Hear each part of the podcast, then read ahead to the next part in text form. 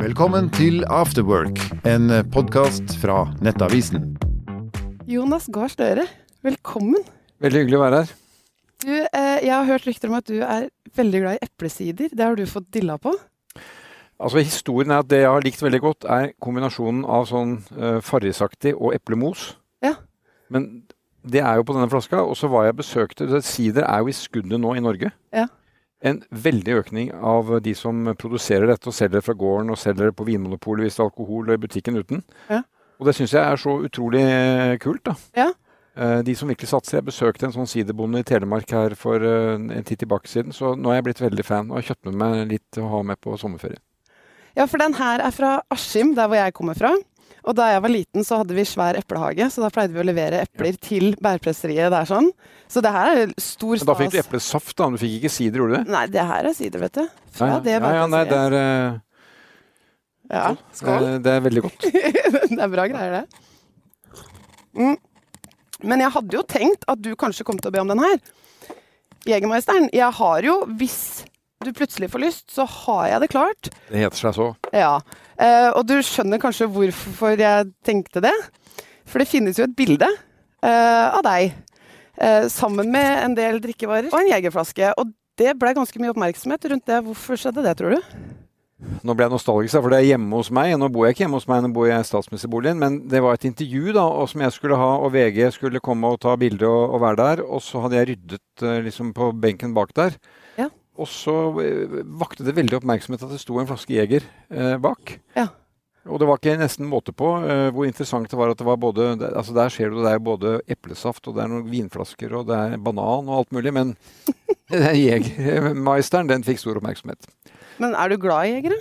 Altså, jeg syns det er altså, jeg vil, Det må være kald. Ja. Og så syns jeg det er ganske godt. Men sannheten, bare for å si det, det er at det er sønnen min sin flaske. Ok. Ja, som Ja. bodde hjemme. Men, men eh, jeg hadde den der, og jeg, jeg eh, kan ta meg en jeger. Ja. Men når du er ansvarlig for å styre landet, hvor lett er det egentlig da å kunne ta seg en jeger, hvis det skjer et eller annet? Mindre. Eh, og det er litt sånn, det er litt sånn alvorsdebatt. Da, for det, eh, både i form av arbeidsmengde, arbeidsdager, Mm. så er det Jeg er ikke sånn alkohol, ikke alkohol, men eh, lite. Savner du det, den friheten? Nei. Nei? Men kan du dra ut på byen, f.eks.? Ja, det kan jeg gjøre. Og, Ja. og jeg blir jo passa på, da. Ja. Men uh, noen ganger, vi, sånn, kan, hvis jeg har tid til det, dra ut, ta en øl, uh, være ute. Men det blir jeg bare én som regel. Ja. Kanskje to. Får du mye oppmerksomhet da hvis du er ute på byen? En god del. Ja, det vil jeg tro. Blir du sjekka opp innimellom? Litt for lite, kanskje. Ja, men har du lagt merke til at det har skjedd i større grad etter at du ble statsminister? Nei, det kan jeg ikke si. Men det blir jo lite, lite av det òg, da. Det er jo lite sånn ute på byen. Og jeg tenker nå har vi hatt en sånn vår her i Oslo med så utrolig fint vær på ettermiddagen, og jeg kjører hjem i sånn sort bil og ser ut av vinduene at der sitter folk og koser seg. og Ja. ta et glass vin og møte folk etter jobb og sånn, og det gjør jo ikke jeg, da. Nei. Da drar jeg, det er jobb å dra hjem, men eh, det er et veldig lite offer egentlig når du har den jobben. ja. Men hvis du eh, kunne valgt helt fritt, hvis du ikke måtte tatt hensyn til den jobben du har i dag, du kunne valgt mellom å gå på brun bar eller nattklubb og danse, hva hadde du valgt? Jeg tror jeg er brun bar, egentlig. Ja, For du er jo eh, Jeg vet ikke om du er glad i å danse, men, eh, og nå kan du, du skjønner hvor jeg skal hen, men på landsmøtet, da bidro du med litt dans. Eh, som ble lagt merke til også. Eh, for eh, det var veldig mange i den salen som dansa. Ja. Og jeg. Absolutt. Ja. Men det var én som dansa på bordet. Og det var du. Disse bordene var jo da dekket av, ikke sant. Og tenkte jeg liksom at det er eh, Og jeg var, jeg var edru, altså. Men jeg tenkte at det å danse på bordet er jo noe sånn derre Spesielt. Så jeg gikk oppå der, og så var jeg eh, nedover, og så skulle jeg gå mellom to bord, og så kom det gjennom tokonen min. Jeg tenkte nå skal kanskje han hjelpe meg over. Men det var en som sa det at du må ned fra bordet, og nå er jeg sikkerhetsvakt. Uh, ja. Ble du flau da, eller hva Jeg tenkte ble litt flau. du? blei litt flau? Men altså, det var, altså, jeg er veldig glad i å danse. Ja. og musikk. Og jeg syns at på en sånn fest som det, der kommer jo alle sammen og har vært på landsmøte i flere dager. Masse arbeid. Og så er det jo alle deler, fra de unge til de midt i og de eldre. Mm. Og så musikken eh, skaper et fellesskap sånn utpå natta der, og det var eh, kjempegøy. Men hvis du ble litt flau da du ble dratt ned av den vakta, hvordan var det da når du så overskriftene dagen etterpå? For det var jo den store saken den eh, lørdagen. Men altså, jeg, det er noen, noen ganger tenker jeg at vi som er i politikken og blir fremskrevet og beskrevet og vi blir kritisert og applaudert, så er det noe med det med at vi er jo mennesker. Ja. Uh, og det å være på en sånn fest så Det var jo masse journalister òg. De dansa jo like mye. Mm. Men uh, du må jo regne med når du er på sånn fest at noen tar opp kamera og filmer. Ja. Det burde jeg kanskje tenkt litt på, da. Men jeg, jeg står inne for det jeg gjorde. Altså, jeg tar ansvar for det. Ødela, ødela ingenting. Jeg ville gjort det igjen. Ja, men det er bra. det er veldig bra. Men det var jo òg et annet øyeblikk eh, på, på landsmøtet som fikk mye oppmerksomhet. Eh, det var da du entra scenen første dagen, og for første gang, eh, og ble møtt med en veldig heftig applaus. Altså, den varte og rakk i veldig mange minutter. Og du ble veldig rørt. Ja.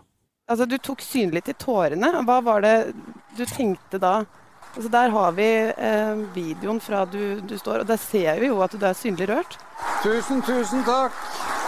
Ja, men jeg, jeg, jeg er altså en ganske lettrørt person. Ja, du, når du leder et parti Vi styrer i tid hvor det er krig i Europa, prisstigning, eh, høye strømpriser og sånn. Og jeg vet at de har et kjempelag av folk fra hele landet som jobber. Og på landsmøtet kommer du inn ikke sant, fra, fra Finnmark til eh, Agder, og vi er sammen. Og så blir du tatt imot på den måten. Så jeg, det, det traff meg veldig. For det er noe med at eh, det, for å si sånn, det som kom mot meg der, det ljuger ikke. Det var en sånn eh, tror jeg var, det, var, det var til meg, men det var også oss imellom.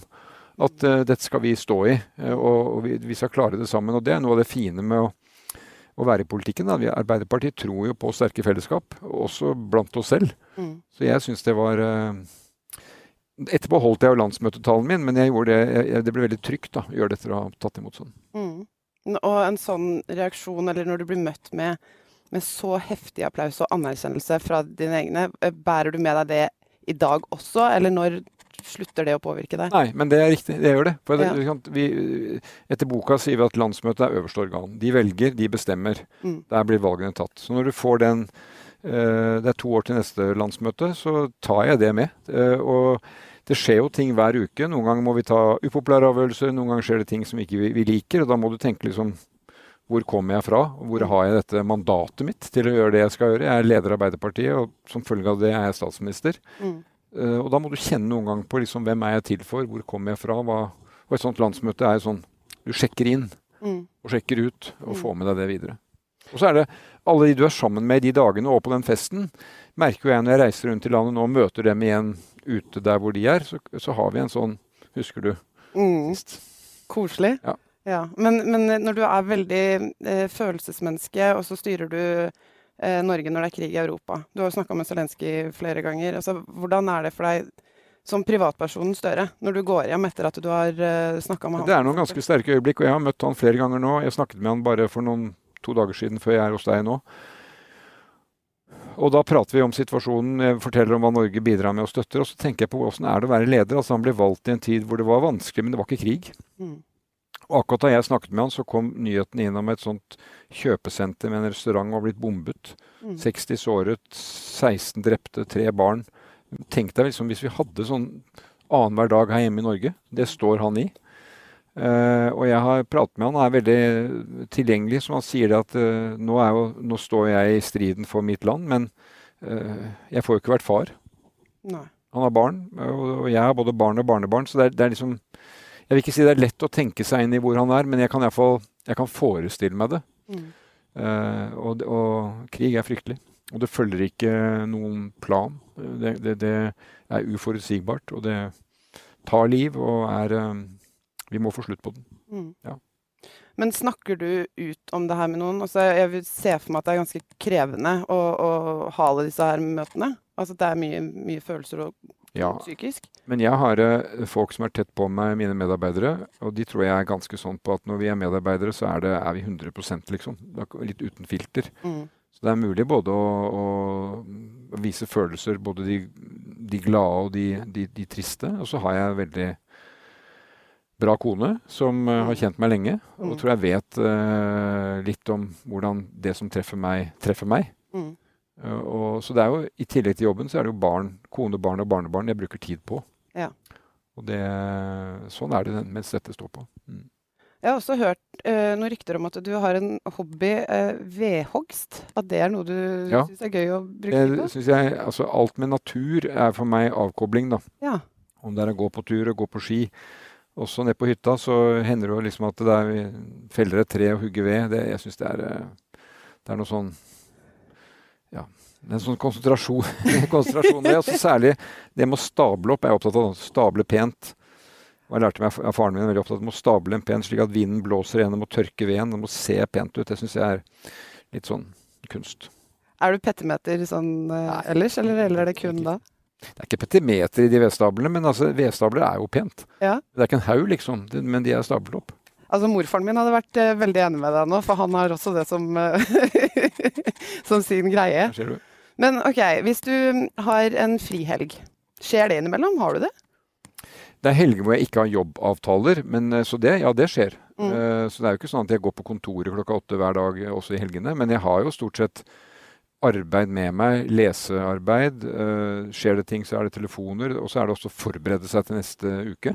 Ja. Men uh, jeg er ganske flink til når vi kommer inn i en, en helg hvor ikke det er avtaler, at jeg da uh, f.eks. Uh, nå blir jeg kjørt stedet, og drar til hytta. Og for å være der halvannen dag og være liksom alene eller uh, litt utenfor det hverdagslige. Ja. Så jeg prøver å bruke frihelgen til noe som både er å lade opp, kanskje trene litt, men også forberede meg. Det er mye, mye forberedelsesarbeid. Ja, altså Er det da å lese saksdokumenter i all hovedsak, eller hva er Ja, det er, det er det. Det er mye av det. Eh, og, og så er det å kanskje forberede innlegg og taler jeg skal holde, for utkast til det. Ja. Og så er det jo fint også å kunne få tid til å lese helt andre ting òg. Ja. Ikke så mye av det blir det, men eh, jeg liker å lese bøker. Lese bøker. Hvilken bok er din favorittbok? det er ikke én bok, men akkurat nå leser jeg ferdig Jan Kjærstads siste roman. 'En tid for å leve', som er en veldig tankevekkende roman. Ja. Nesten ferdig med. Det blir bare noen få sider om kvelden. Det er ikke så Men av alle disse forberedelsene da, som du må gjøre, hva, hva er det du syns er kjedeligst? Kan du si det? Er det lov å si som statsminister? Eh, Jeg tror ikke jeg skal eh, fornærme noen med å si at liksom eh, den delen av landet, den saken. For jeg, Nei, jeg jeg, jeg får en veldig følelse i den jobben at alt henger sammen. Ja. Ikke sant?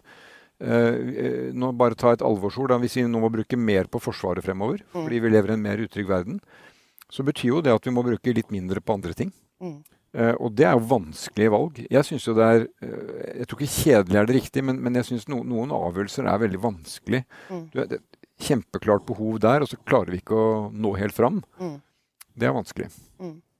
Og så tenker jeg at kontorarbeid er ikke det, det jeg liker best ved denne jobben. Det jeg, li, det jeg liker best, er det å, å reise rundt. Være, altså få en utrolig mulighet til å besøke han som lager visider. Mm. Være med han inn i kjelleren og se på tankene hans. Få høre hvordan han lager fem forskjellige typer sider. Være med ned og se på epletrærne. Bare spørre og grave om eh, hvordan planter du, når vokser de, hvordan blomstrer de. Det syns jeg er kjempespennende. da. Og så kan jeg komme veldig mange steder. Ja. Og neste gang så kan jeg være på papirfabrikk og se på de svære rullene med papir. Eh, Så da blir jeg litt nerd, da. Ja, men det må jo være gøy å kunne reise rundt og være Ja, litt altså jeg tror jeg har et sånn produksjonsgen da, som blir trigget av hvordan, hvordan, hvordan blir denne til. Ja. For at eh, Du går bare og kjøper den, og så skjenker du den. Du- Du er jo glad i den for den kommer fra Askim, hvor du kom fra. Ja. Så alt har jo en historie, men hvordan de historiene blir til, det syns jeg er spennende. Du må reise til Bærpresseriet der. Da, får du se hvordan de uh, lager den sideren. Det. Ja, det, det er veldig stas. Men OK, hvis um, du ikke hadde vært statsminister, ikke hadde drevet med politikk, hva hadde du hatt lyst til å drive med da? Hva drømte du om å bli siden når du var 15? Nei, altså, jeg, De spørsmålene er veldig vanskelige altså, å, å svare på.